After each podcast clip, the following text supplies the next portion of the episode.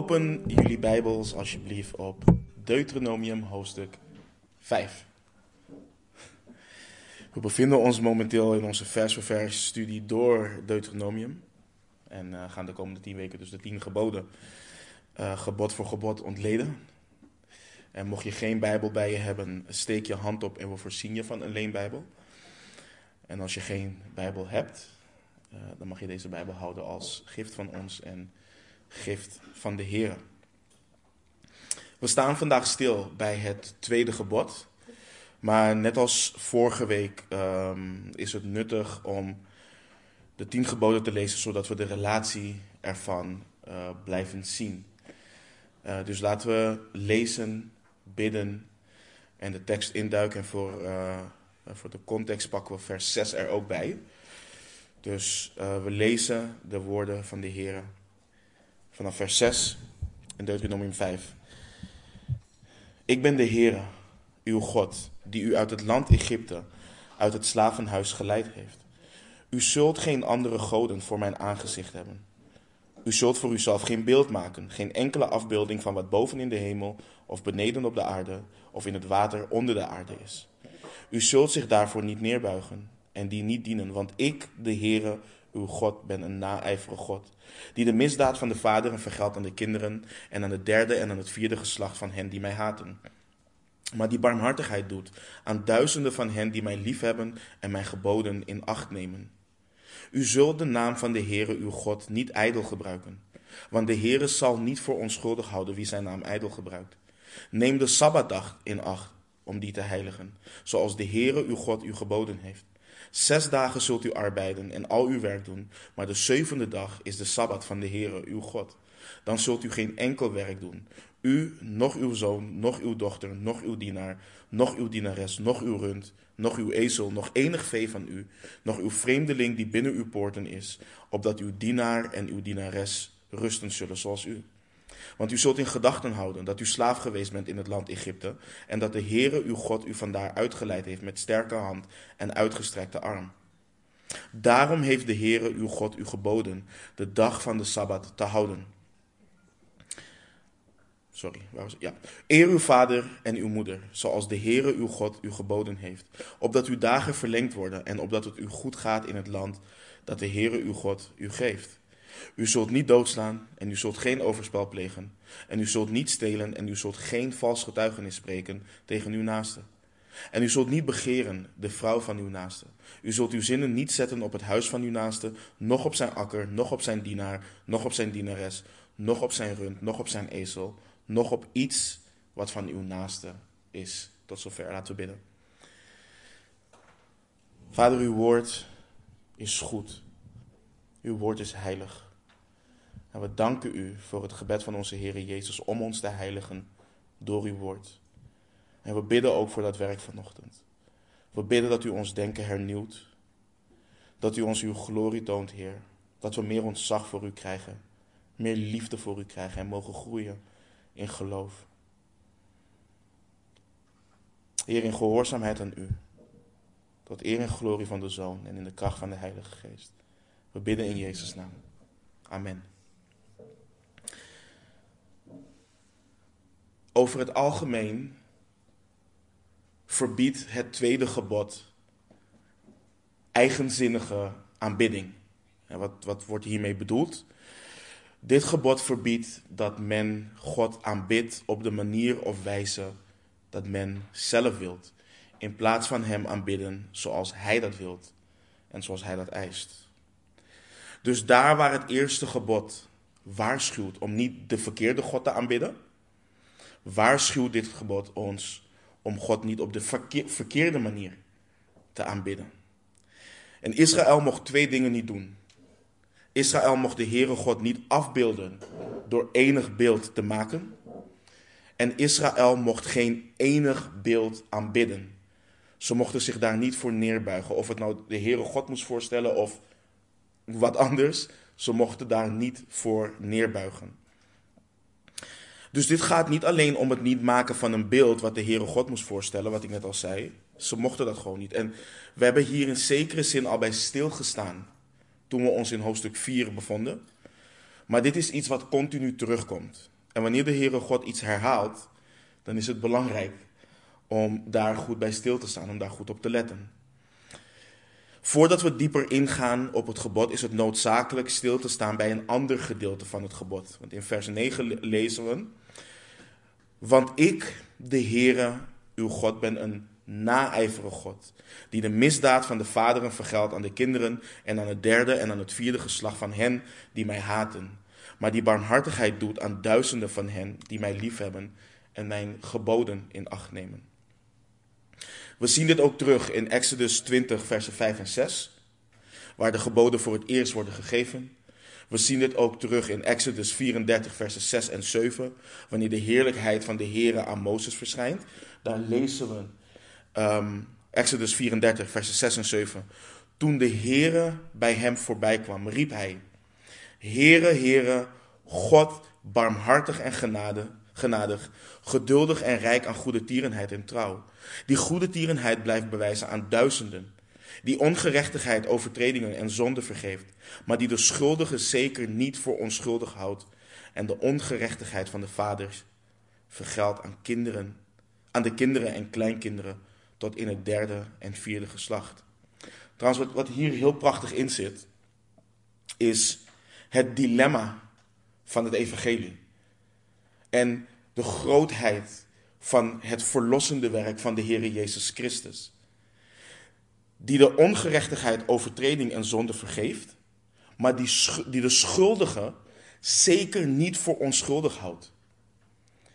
Dat is het hele dilemma van het evangelie. Hoe kunnen wij die schuldig zijn, verzoend worden met een heilige God die de schuldige niet voor onschuldig houdt. Dat is een groot dilemma, want hoe kan God ons toelaten zonder zijn gerechtigheid, zijn rechtvaardigheid te verliezen? En dat is door het verlossende werk van onze Heer Jezus Christus. En dat is zo prachtig. En daarom ook, wanneer we het over het evangelie hebben en we dat ook delen, moeten we ook stilstaan bij hoe groot dit verlossende werk is. God is heilig. En hij laat zondaren voor eeuwig met hem doorbrengen. Hoe kan dat? Door zijn zoon. Door de middelaar tussen God en mensen, Jezus Christus.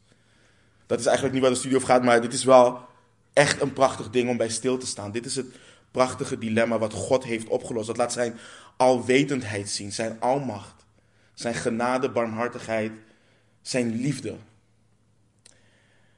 Maar dus over het feit van de, eh, van de derde en vierde generatie. En in Jeremia 32, vers 18 lezen we het volgende. U die goede tierenheid bewijst aan duizenden, die de ongerechtigheid van de vaderen vergeldt in de schoot van hun kinderen na hen. U, grote, machtige God, Heere van de legermachten, is zijn naam. In onder andere de charismatische kerk wordt geleerd dat dit met generatievloeken en demonische onderdrukking te maken heeft. Dat de slechte dingen die de huidige generatie overkomen, hen overkomen door de zonde van hun voorouders. En vooral in het bijzonder dat de generatie die nu tot geloof is gekomen, nog steeds last heeft van de dingen van de vorige generatie. En door deze interpretatie worden velen die door de Heer zijn vrijgemaakt alsnog gebonden gehouden. Er wordt hen vaak bakken met geld afgetroggeld, omdat ze de boeken van een of andere apostel moeten kopen die zal weten hoe je hiervan moet afkomen. En er wordt hun afhankelijkheid uh, aan zogenaamde apostelen, voorgangers en kerken aangepraat. Want wanneer het weer even niet goed gaat, dan moet je weer naar de specialisten om vrijgemaakt te worden. Terwijl de Heer Jezus toch wel heel duidelijk het volgende leert in Johannes 8, 38. Als de Zoon u vrijgemaakt heeft, zult u werkelijk vrij zijn. Dit is geen loze belofte. Dit is de waarheid. Als de Zoon u vrijgemaakt heeft, zult u werkelijk vrij zijn. Dus Gods woord geeft ons niet de vrijheid om dit vers, wat we lezen in Deuteronomium en ook in Exodus, op deze manier te interpreteren. Want Ezekiel, vers, uh, hoofdstuk 18, vers 20, leert ons ook het volgende. De mens die zondigt, die zal sterven. De zoon zal de ongerechtigheid van de vader niet dragen. De vader zal de ongerechtigheid van de zoon niet dragen. De gerechtigheid van de rechtvaardige zal op hemzelf zijn.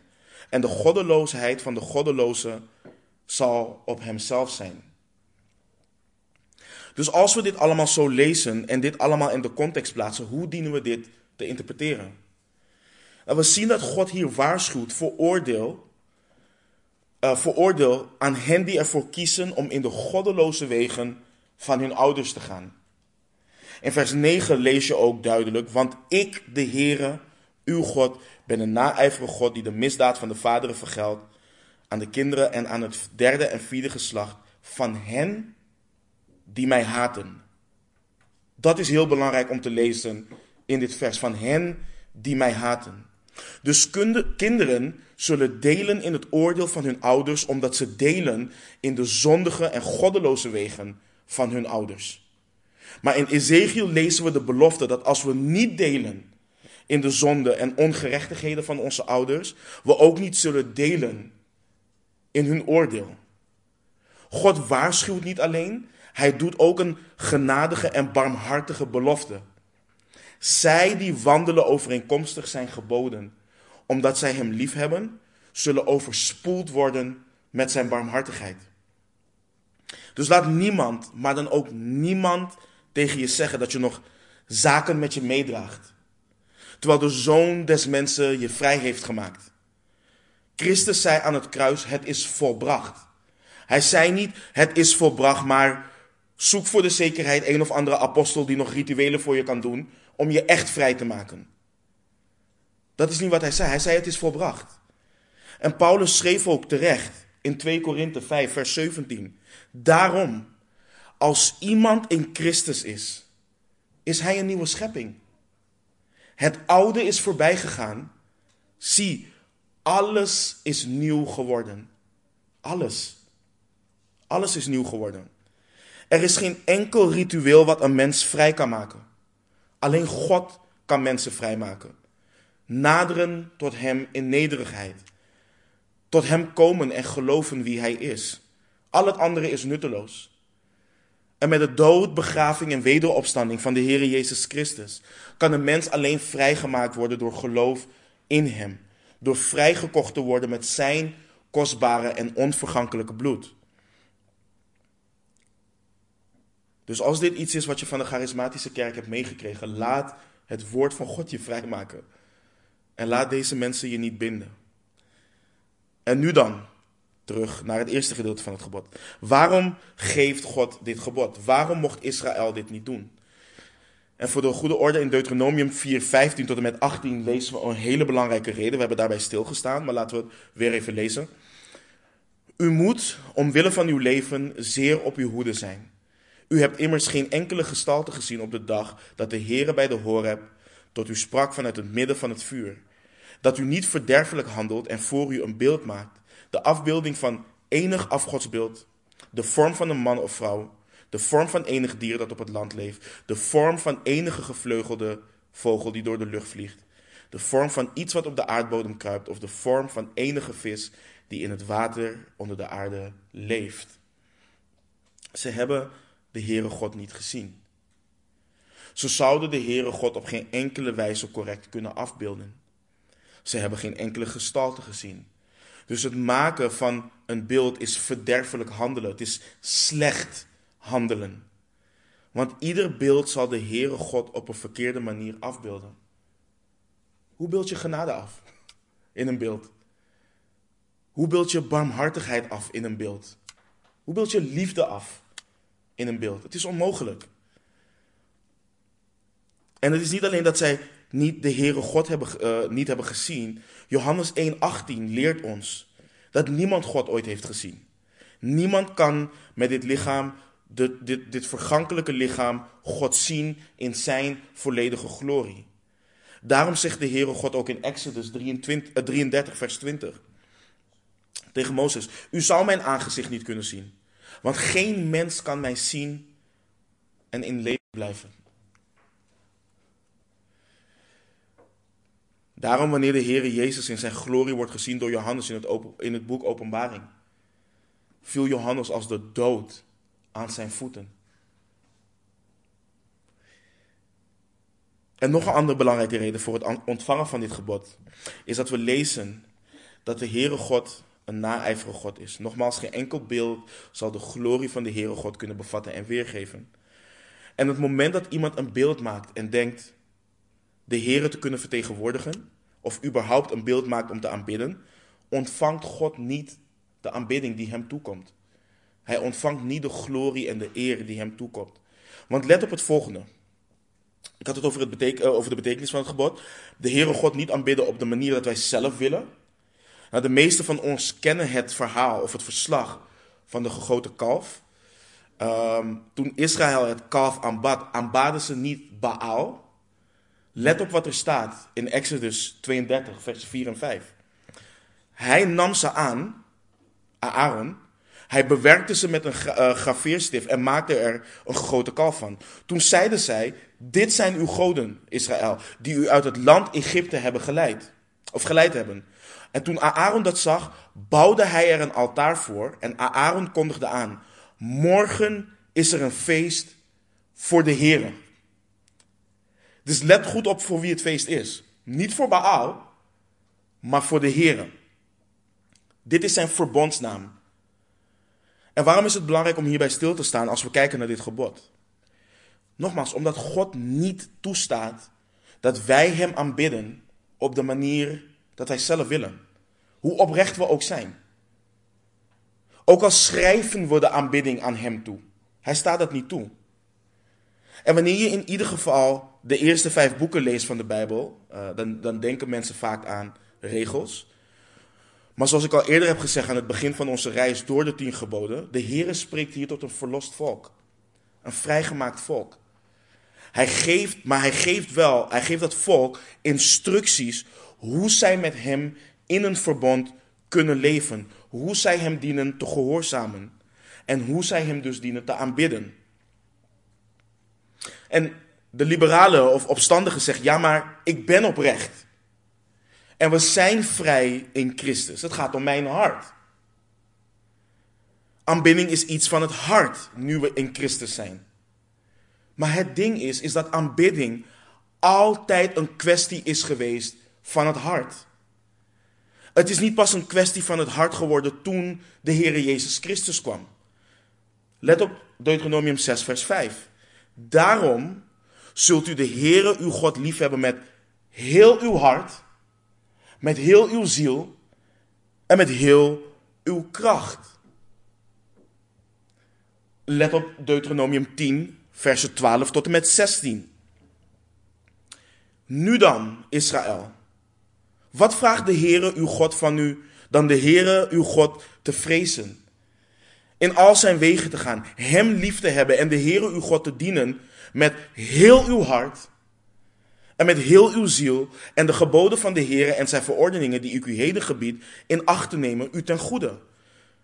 Zie van de, zie van de Heere uw God is de hemel, ja, de allerhoogste hemel, de aarde en alles wat erop is. Maar alleen voor uw vaderen heeft de Heere liefde opgevat om hen lief te hebben. En hij heeft hun nageslacht na hen, u, uit al de volken verkozen zoals het heden ten dagen is. Besnijd dan de voorhuid van uw hart en wees niet langer halstarrig. En let op Deuteronomium, of uh, Jeremia 4, vers 4. Besnijd u voor de Heere en doe de voorhuid van uw hart weg. Mannen van Juda en inwoners van Jeruzalem. Anders zal mijn grimmigheid uitstaan als een vuur en branden zonder dat iemand kan blussen vanwege uw slechte daden. Dus het is altijd een kwestie geweest van het hart. Altijd. En oprechtheid van hart is belangrijk. Gods woord spreekt daar heel veel over. Maar het gaat, het gaat om oprechtheid van hart zoals de Heere God oprechtheid van hart heeft gedefinieerd. Niet zoals wij dat willen definiëren. Let op een aantal voorbeelden wat oprechtheid van hart en ijver voor de Heere heeft gebracht. In Leviticus 10, versen 1 en 2 lezen we. De zonen van Aaron, Nadab en Abihu, namen beide hun wierookschaal, deden vuur daarin, legden reukwerk daarop en brachten vreemd vuur voor het aangezicht van de Heere, wat hij hun niet geboden had. Toen ging een vuur uit van het aangezicht van de Heere en verteerde hen, zodat zij stierven voor het aangezicht van de Heere. Er zijn we niet allen bereid te geloven dat de zonen van Aaron oprecht waren in hun hart. Dat, de dat ze de intentie in hun hart hadden om de Heere God te aanbidden. Maar let goed op wat er staat. Ze brachten vreemd vuur. Het woord vreemd betekent ontheiligd. Ze brachten ontheiligd vuur. Onbevoegd vuur voor het aangezicht van de Heer. En let op wat er staat. Wat hij hun niet geboden had. En misschien zegt iemand, ja maar Joe, dat is de God van het Oude Testament. Hij was toch altijd boos. En dan gaan we naar Handelingen 5, vanaf vers 1. Daar lezen we. En een zekere man van wie de naam Ananias was, verkocht samen met zijn vrouw Safira een eigendom en hield een deel van de opbrengst achter, ook met medeweten van zijn vrouw. En hij bracht een bepaald gedeelte en legde dat aan de voeten van de apostelen. En Petrus zei, Ananias, waarom heeft de Satan uw hart vervuld, zodat u gelogen hebt tegen de Heilige Geest en een deel achtergehouden hebt van de opbrengst van het stuk grond? Als het onverkocht gebleven was, bleef het dan niet van u. En toen het verkocht was, bleef de opbrengst dan niet tot uw beschikking. Waarom toch hebt u deze daad in uw hart voorgenomen? U hebt niet tegen mensen gelogen, maar tegen God. En toen Ananias deze woorden hoorde, viel hij neer en gaf de geest. En er, stond groot, en er ontstond grote vrees bij allen die dit hoorden. Later leren we ook verder in het verslag dat Safira uiteindelijk ook gevraagd wordt of ze alle opbrengst hebben gegeven. En zij liegt ook op dat moment. En ook zij valt neer en, en vooropgesteld. Ze zijn niet gestorven omdat ze een deel van de opbrengst hebben achtergehouden. We lezen heel duidelijk wat Petrus zegt. Als je het niet had verkocht, was het gewoon van jou gebleven. Als je het had verkocht en het geld niet had gegeven, was het ook van jou gebleven. Dus dat is het niet. Maar zij dachten oprecht dat ze de Heere God, die zijn zoon gestuurd had, waarvan zijn bloed al gevloeid heeft aan het kruis, die begraven was, op de derde dag is opgestaan en de dood heeft overwonnen, terug is gegaan naar de Vader. Zij dachten dat ze hem op die manier konden aanbidden. Maar zelfs in het nieuwe verbond accepteerde Heere God dit niet. Zelfs in het nieuwe verbond. Want hij blijft heilig. Hij blijft rechtvaardig. Hij blijft wie hij is. Dus de Israëlieten dienden de Heere God te aanbidden op de wijze geopenbaard door de Heere God. Ja, ze werden opgedragen om te offeren. Ze hadden voedselwetten en meer. Maar ze dienden dit allemaal te houden met een besneden hart. Met een hart wat ontzag en liefde heeft voor de zaligmakende God. En daarom lezen we terecht. Wanneer de profeet Samuel koning Saul eh, confronteert in 1 Samuel 15, versen 22 en 23. Heeft de Heere evenveel behagen in brandoffers en slachtoffers als in het gehoorzamen aan de stem van de Heere? Zie, gehoorzamen is beter dan slachtoffer. Opmerkzaam zijn beter dan het vet van rammen. Want opstandigheid is een zonde van waarzeggerij en tegenstreven is afgoderij en beeldendienst. Omdat u het woord van de Heere verworpen hebt, heeft Hij u verworpen, zodat u geen koning meer zult zijn. Let goed op wat er staat. Opstandigheid is de zonde van waarzeggerij en tegenstreven, oftewel tegenwerken, bestrijden, de Heere bestrijden, is afgoderij en beeldendienst. Dat is waar we het over hebben in het tweede gebod. Dus je ziet dat dit, meer, dat dit te maken heeft met meer dan alleen een beeldje opzetten en je daarvoor neerbuigen. Dit heeft te maken met het hart. Dit heeft dus te maken met het hart. En let op, omdat u het woord van de Heere verworpen hebt. Omdat je niet hebt gedaan wat de Heere gezegd heeft. En Ik moet, wel, ik moet eh, nadenken aan wat je wel eens hoort, bijvoorbeeld over de ark, de ark van Noah. Ehm, als de ark een L langer of hoger geweest was, als Noach iets had afgeweken van wat de Heer had gezegd, had de ark door de vloed geen stand gehouden. Dus men, eh, er is een boek, Wetenschap in de Bijbel. De, de ark, dan praten ze over dat soort dingen. En andere wetenschappelijke beleidende christenen. Het ding is, kijk, de ark heeft stand gehouden. Omdat de soevereine God wilde dat de ark stand hield. Daarom heeft de ark stand gehouden. En Noach heeft het gebouwd overeenkomstig het woord van de Heer. Omdat hij ontzag had voor God. En hetzelfde geldt ook voor de onreine en de reine dieren. Allerlei wetenschappelijke redenen. Om te verklaren waarom de Heer het ene dier wel rein en het andere dier onrein heeft verklaard. En waarom ze het ene wel mochten eten en het andere niet. Maar de Heer geeft de reden gewoon aan in Leviticus 11, versen 43 en 5, tot en met 45. U mag uzelf niet tot een afschuw maken met al die kruipende dieren die zich zo voortbewegen. En u mag zich daarmee niet onreinigen, zodat u daardoor verontreinigd wordt. Want ik ben de Heere uw God. U moet zich heiligen en heilig zijn, want ik ben heilig. U mag uzelf niet verontreinigen met al de kruipende dieren die zich over de aarde voortbewegen, want ik ben de Heere die u uit het land Egypte heeft laten vertrekken, opdat ik u tot een God ben. U moet heilig zijn, want ik ben heilig. De reden is, God is heilig. Hij is de Heere. Dat is toch genoeg? God wil dat zijn kinderen wandelen in heiligheid, omdat Hij heilig is. En de Heere God heeft Israël opgedragen hoe ze Hem dienden te aanbidden en hoe ze Hem niet dienden te aanbidden. Hij heeft zichzelf niet geopenbaard in de vorm van enige gestalte. Als Hij dat gewild had, dan had Hij dat gedaan.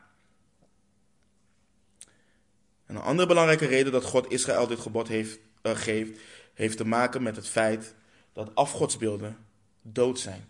Ze leven niet. En de Heere God heeft, zelf, heeft zichzelf geopenbaard als de levende God. Let op wat er in Jeremia 10, vers 10 staat. De Heere God is echter de waarheid. Hij is de levende God, een eeuwige koning. Voor zijn grote toorn beeft de aarde. De heidenvolken kunnen zijn gramschap niet verdragen. Hij is de levende God. In Daniel 6, vers 27. Er wordt door mij bevel gegeven dat men in heel het machtsgebied van mijn koninkrijk zal beven en sidderen voor het aangezicht van de God van Daniel. Want hij is de levende God en houdt voor eeuwig stand. Zijn koninkrijk gaat niet te gronden en zijn heerschappij duurt tot het einde. De Heere God leeft. We dienen een levende God. Hij is. Maar over het werk van mensenhanden lezen we het volgende in Psalm 115, vers 4 tot en met 7. Hun afgoden zijn zilver en goud, het werk van mensenhanden. Zij hebben een mond, maar spreken niet. Ze hebben ogen, maar zien niet. En zij hebben oren, maar horen niet. Zij hebben een neus, maar ruiken niet. Hun handen, die tasten niet. Hun voeten, die gaan niet. Er komt geen geluid uit hun keel. Let ook op wat er staat in Jesaja 44 vanaf vers 6, 6 tot en met 10. Zo zegt de Heere, de koning van Israël, zijn verlosser, de Heere van de legermachten. Ik ben de eerste en ik ben de laatste. En buiten mij is er geen God. En wie kan, zoals ik, roepen, het bekendmaken en het voor mij, uit, voor mij uiteenzetten, sinds ik, het, sinds ik een eeuwig volk een plaats gegeven heb? En laten zij, dus de afgoden, de toekomstige dingen, dat wat komen zal, hun bekendmaken. Wees niet angstig en wees niet bevreesd. Heb ik het u van toen af niet doen horen en bekendgemaakt? Want u bent mijn getuigen. Is er ook een God buiten mij? Er is geen andere rots. Ik ken er geen één. Of ik ken er geen. De makers van beelden, allen zijn zijn leegheid. Zijn zijn leegheid. Hun geliefde voorwerpen doen geen nut. Ja, zij zelf zijn hun getuigen. Zij zien niet en zij weten niet. Daarom zullen zij beschaamd worden. Wie maakt er nu een God en giet een beeld dat geen nut doet? God lacht deze mensen uit. Israël diende de levende God, de God die is. Ik ben die ik ben. De Heere God is niet geworden. Hij is. In Hem is het leven. Hij is het leven. Dus om beelden te maken en die te dienen, dat zou dwaasheid zijn en nutteloos zijn. Maar nu, Christus heeft de wet vervuld. Hij is het volmaakte offer. We hoeven niet meer te offeren. Christus is het offer eens en voor altijd gebracht. Dus hoe gaan we nu om met dit gebod? Nou, we weten dat de wet vervuld is, maar, maar niet is weggedaan. We weten dat de Heer Jezus ieder gebod getransformeerd heeft en heeft laten zien dat dit om het hart gaat. er is een verslag in Johannes 4 wat ons laat zien hoe dit gebod in het nieuwe verbond nog steeds van kracht is en nog dieper gaat dan we denken. in Johannes 4, als je alvast daar naartoe gaat in je Bijbel, lezen we hoe de Heer Jezus in gesprek is met een Samaritaanse vrouw. Het, het gesprek begint wat stroef, want die Samaritaanse vrouw heeft een houding. En de Heer Jezus openbaart genadig steeds meer van zichzelf aan deze vrouw. En er komt een moment dat deze Samaritaanse vrouw erkent dat de Heer Jezus een profeet is. Ze is nog niet zo ver dat ze ziet dat ze met de Messias spreekt, maar ze ziet dat hij een profeet is. En in vers 20 stelt ze een vraag over de manier van aanbidding, de plek van aanbidding. En we lezen: Onze vaderen hebben op deze berg aanbeden. En bij u zegt men dat in Jeruzalem de plaats is waar men moet aanbidden. Jezus zei tegen haar: Vrouw, geloof mij. De tijd komt dat u niet op deze berg en ook niet in Jeruzalem de Vader zult aanbidden. U aanbidt wat u niet weet. Wij aanbidden wat wij weten, want de zaligheid is uit de Joden. Maar de tijd komt en is er nu dat de ware aanbidders de Vader zullen aanbidden in geest en waarheid. Want de Vader zoekt wie hem zo aanbidden. God is geest en wie hem aanbidden, moeten hem aanbidden in geest en waarheid. Nu hebben we uitgebreid stilgestaan bij Johannes 4 en is de serie ook online terug te luisteren via de web, uh, website. Maar het volgende is belangrijk. De Heer Jezus wijst haar op haar onwetendheid. U aanbidt wat u niet weet.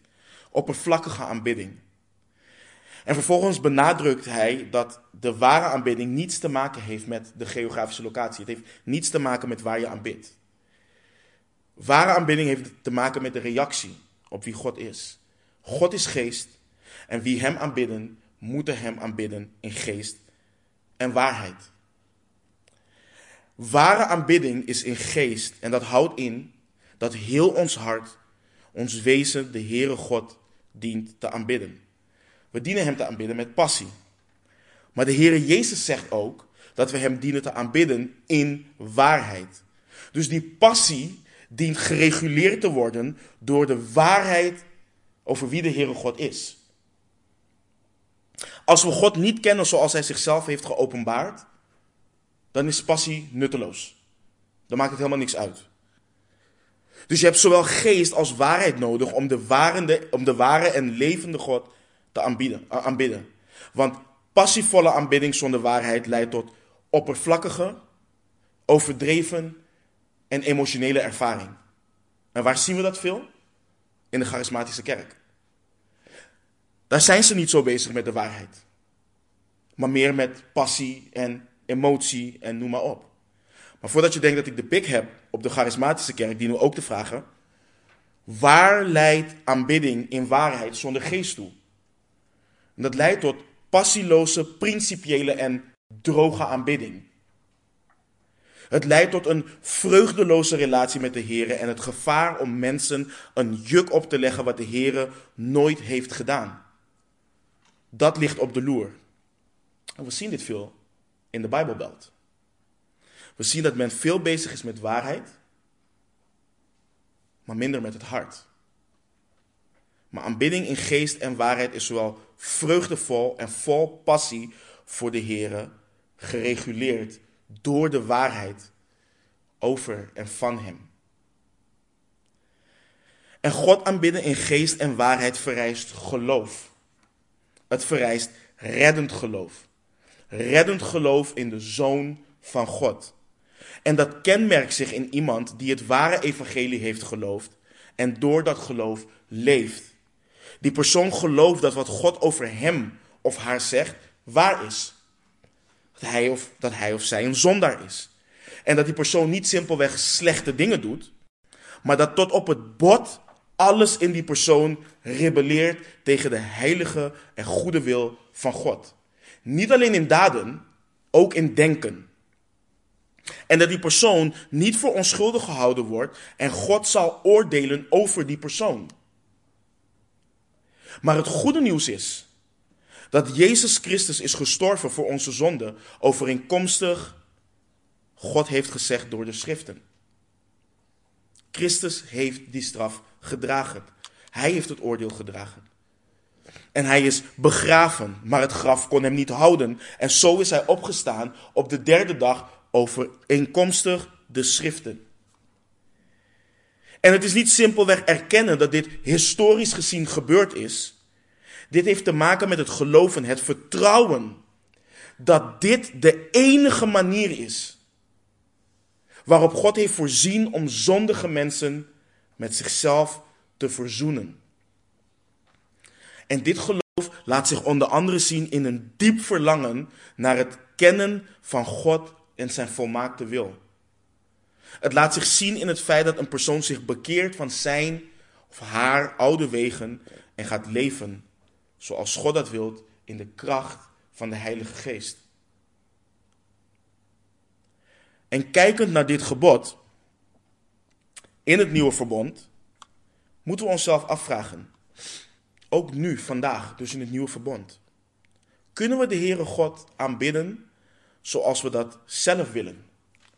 Kunnen we doen in ons leven wat we willen en dat toeschrijven aan het liefhebben en aanbidden van God?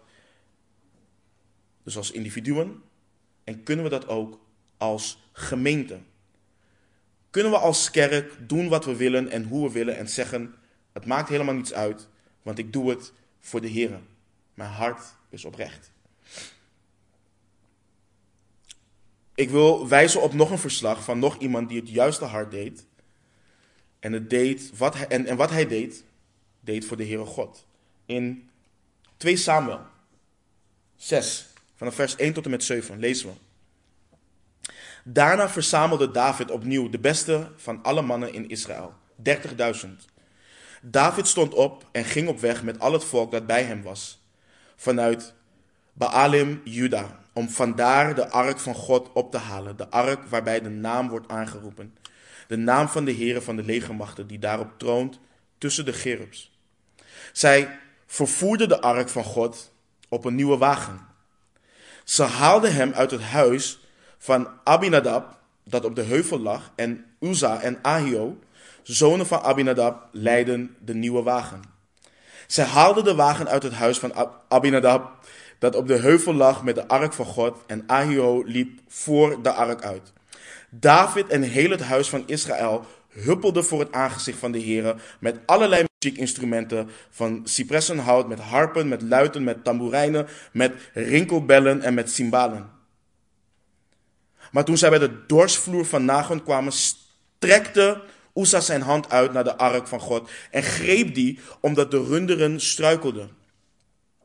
Toen ontbrandde de toorn van de Heere tegen, tegen Uza en God strafte hem daar om deze onbedachtzaamheid.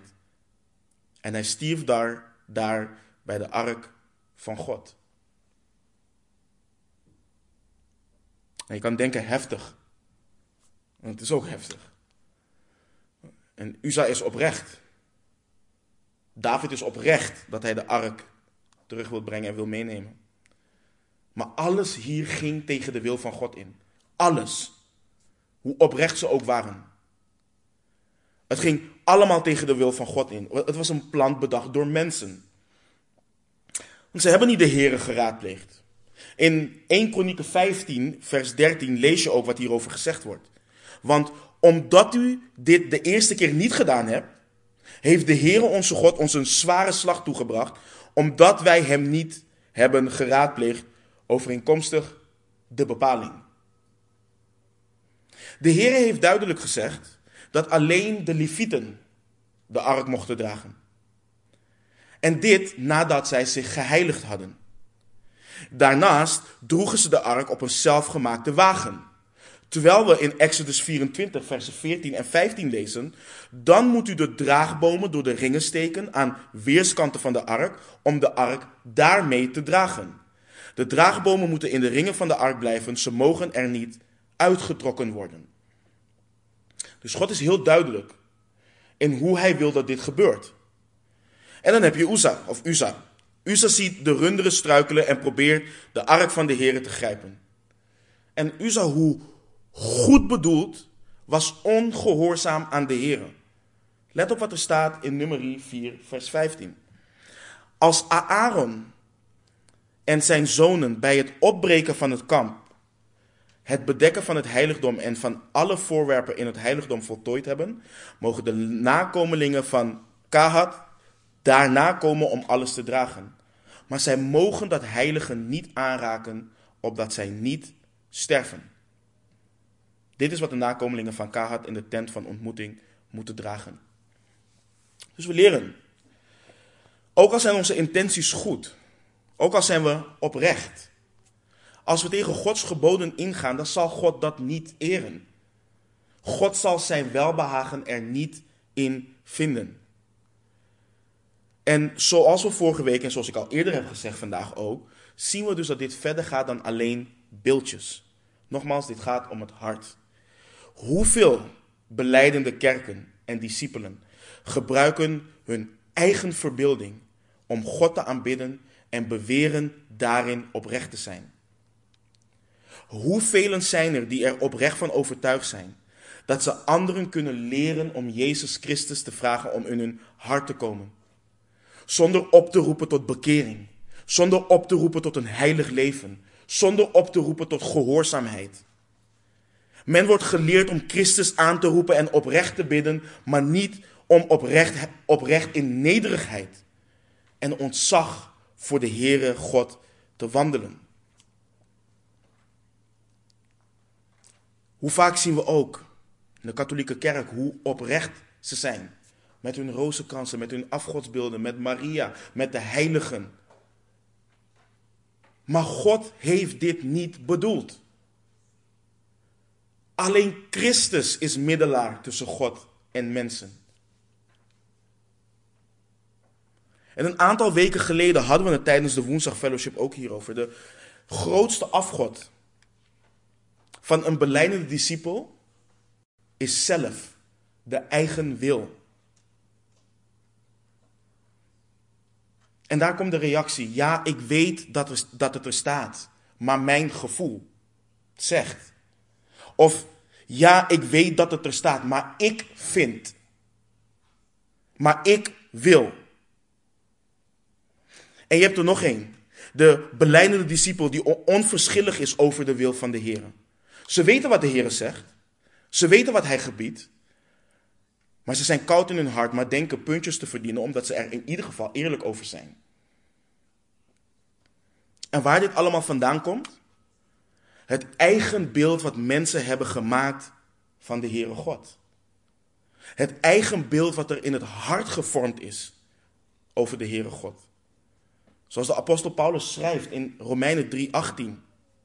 De vreze God Gods staat hun niet voor ogen.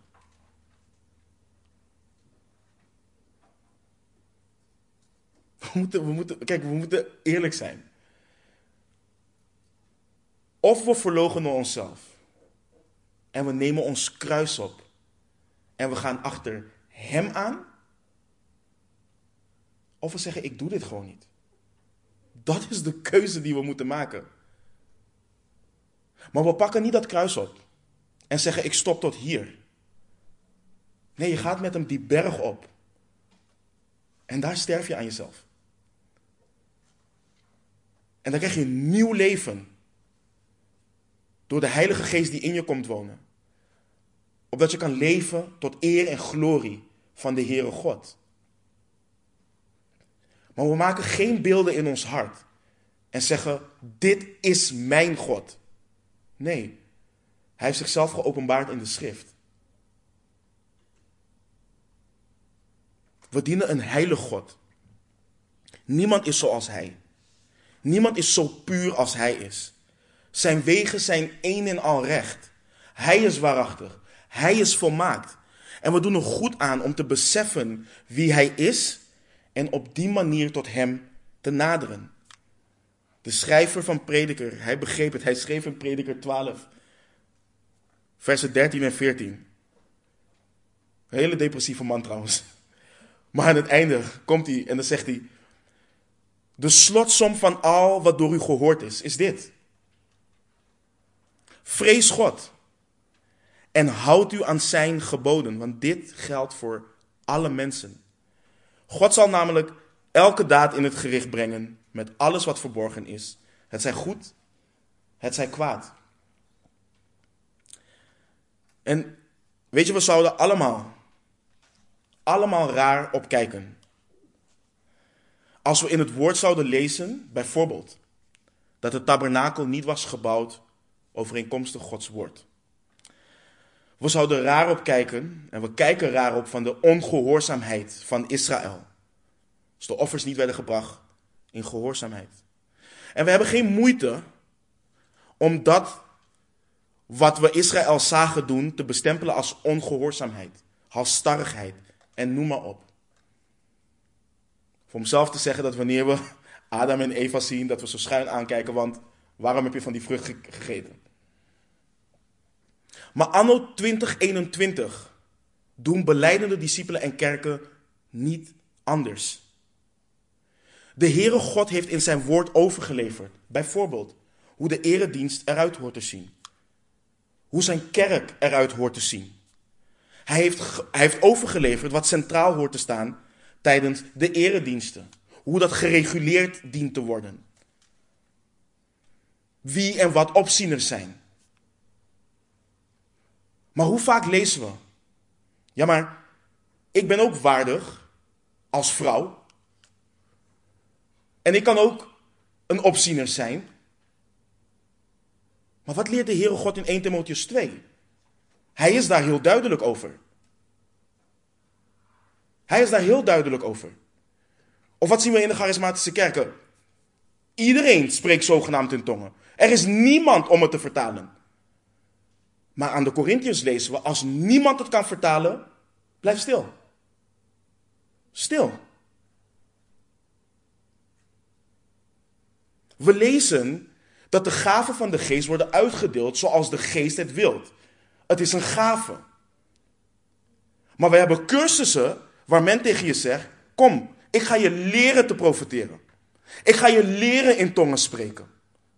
Ik ga je leren bidden. Is iets een gave als je het zelf verwerft? Geeft hij het niet? Of het doel van de kerk in Efeze 4, vers 11 tot en met 15. Hij heeft sommigen gegeven als apostelen, anderen als profeten, weer anderen als evangelisten en nog weer anderen als herders en leraars. Voor wat? Om de heiligen toe te rusten. Voor wat?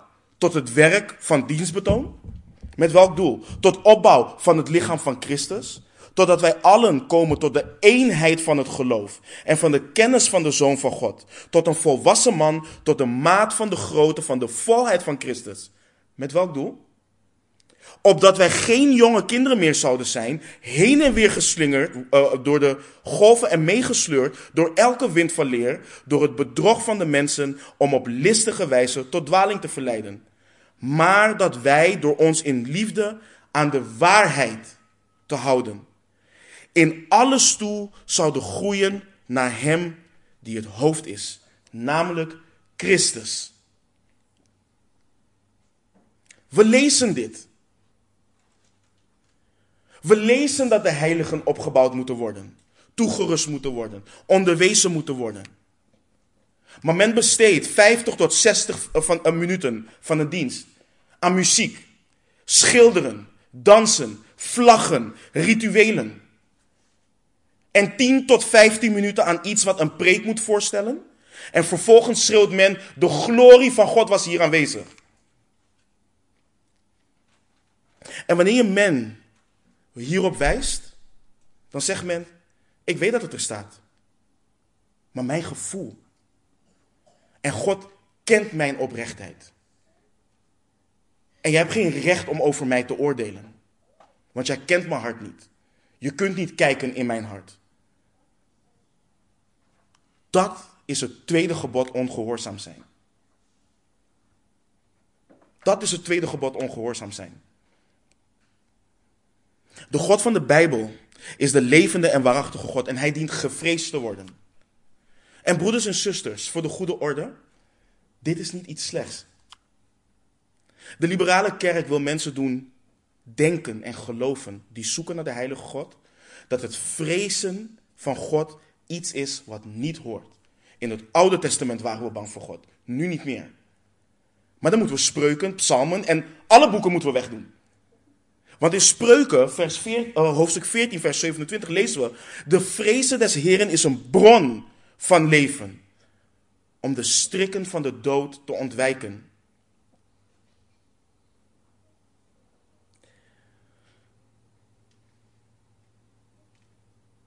Om het praktisch af te sluiten, om het toe te passen. De Heer Jezus zei in Johannes 4 dat God hen zoekt, die Hem aanbidden in geest en waarheid. Hoe doen we dit? Zowel het Oude Testament als het Nieuwe Testament leren ons veel hierover. Maar Paulus slaat in Romeinen 12 echt de spijker op zijn kop. Romeinen 12, vers 1, met, of vers 1 en 2. Ik roep u er dan toe op, broeders, door de ontfermingen van God, om uw lichamen aan God te wijden als een levend offer, heilig en voor God welbehagelijk. Dat is uw, redelijk God, uw redelijke godsdienst.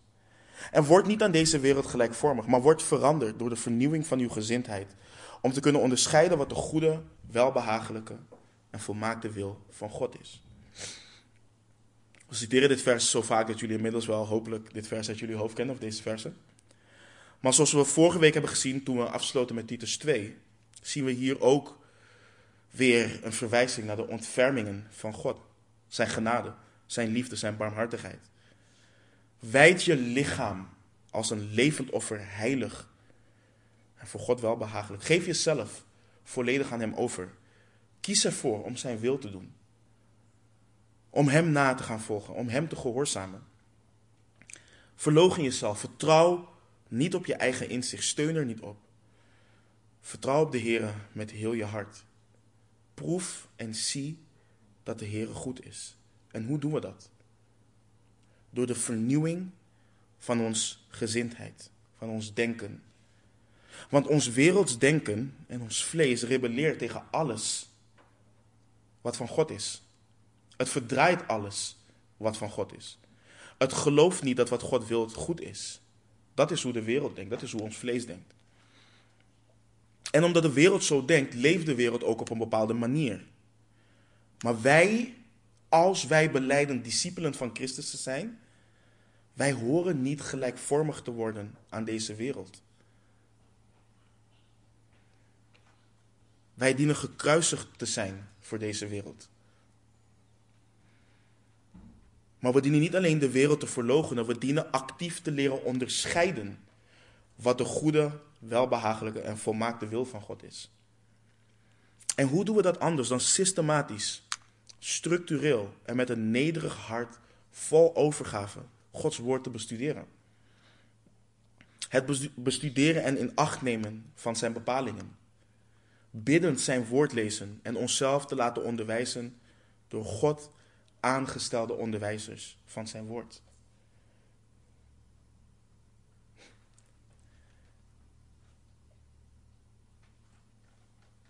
Ik was laatst in een gesprek met een beleidende discipel.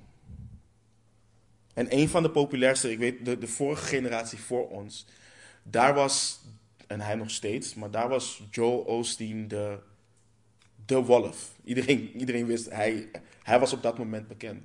In onze tijd nu, voor de nieuwe generatie, is dat onder andere Steven Furtick van Elevation Church. En ik had het laatst met een man daarover.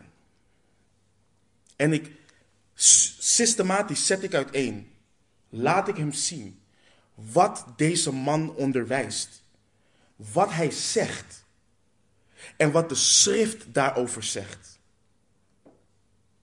En deze man kijkt me aan en hij zegt, alles wat je zegt is waar.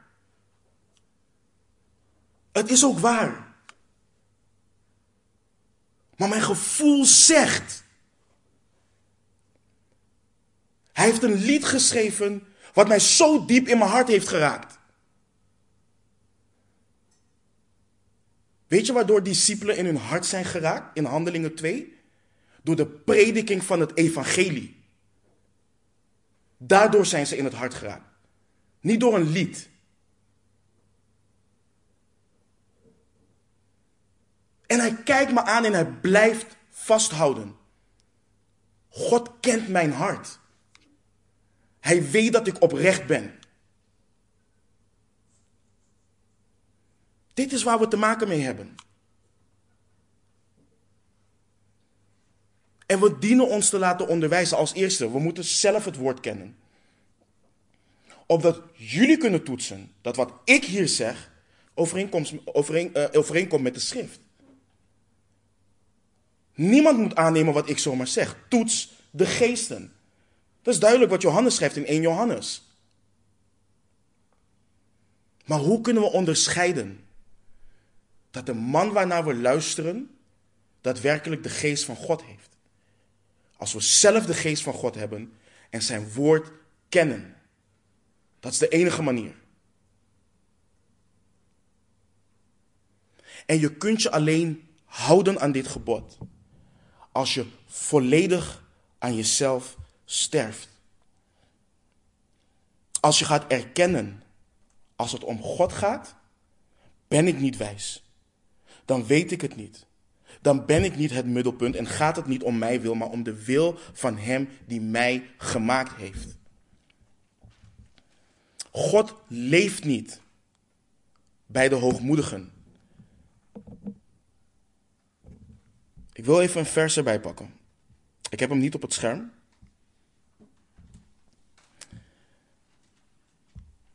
In Jesaja 57, vers 15. Dit is zo belangrijk. God leeft niet bij de hoogmoedigen. En daarom zeg ik ook dat we moeten sterven aan onszelf. Jesaja 57, vers 15. Ik had het net over mensen die worden geleerd om Christus in hun hart te accepteren en te kunnen blijven leven zoals ze willen. Maar let op wat hier staat. Zo zegt de hoge en verhevene, die in de eeuwigheid woont en wiens naam heilig is. Ik woon in de hoge hemel en in het heilige. En, en let op nog waar. En bij de verbrijzelde en nederige van geest. Om levend te maken de geest van de nederigen en om levend te maken het hart van de verbrijzelden. Niemand kan tot God komen, want we horen, kom zoals je bent. Nee, verlogen jezelf. Verlogen jezelf. Er komt een dag dat we God gaan zien.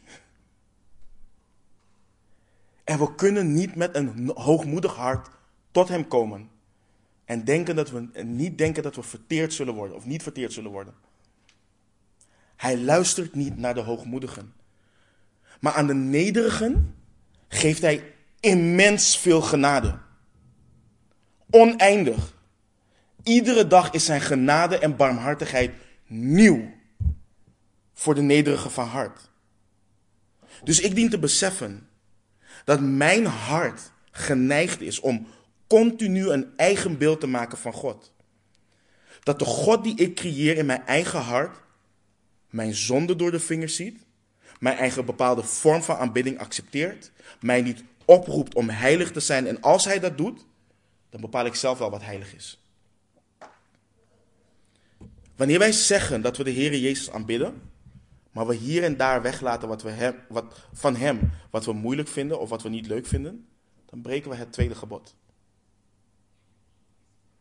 Want dan hebben we in ons hart een beeld gemaakt en buigen we in ons hart daarvoor neer. En laten we acht slaan op wat de apostel Petrus schreef in 1 Petrus 2, vers 2. En verlang vurig, verlang vurig als pasgeboren kinderen naar de zuivere melk van het woord, opdat u daardoor mag opgroeien.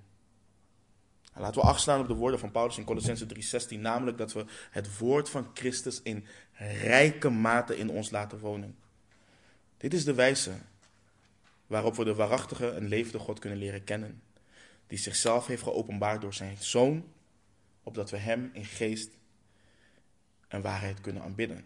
En voor de ouders onder ons. Dit heeft impact op de nalatenschap aan onze kinderen. Als onze kinderen ons op hypocriete wijze zien wandelen en, op, en Hem op hypocriete wijze zien aanbidden, dan is de kans niet klein dat ook zij dat zullen doen. Maar als onze kinderen zien dat we worstelen met ons vlees en streven naar het aanbidden van God in geest en waarheid, dan zal de Heere God dat zegenen en zijn barmhartigheid uitstorten op het juiste moment. Laten we bidden.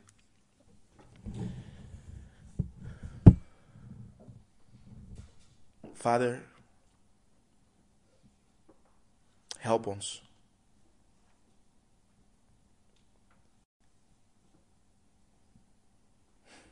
Heer, alleen U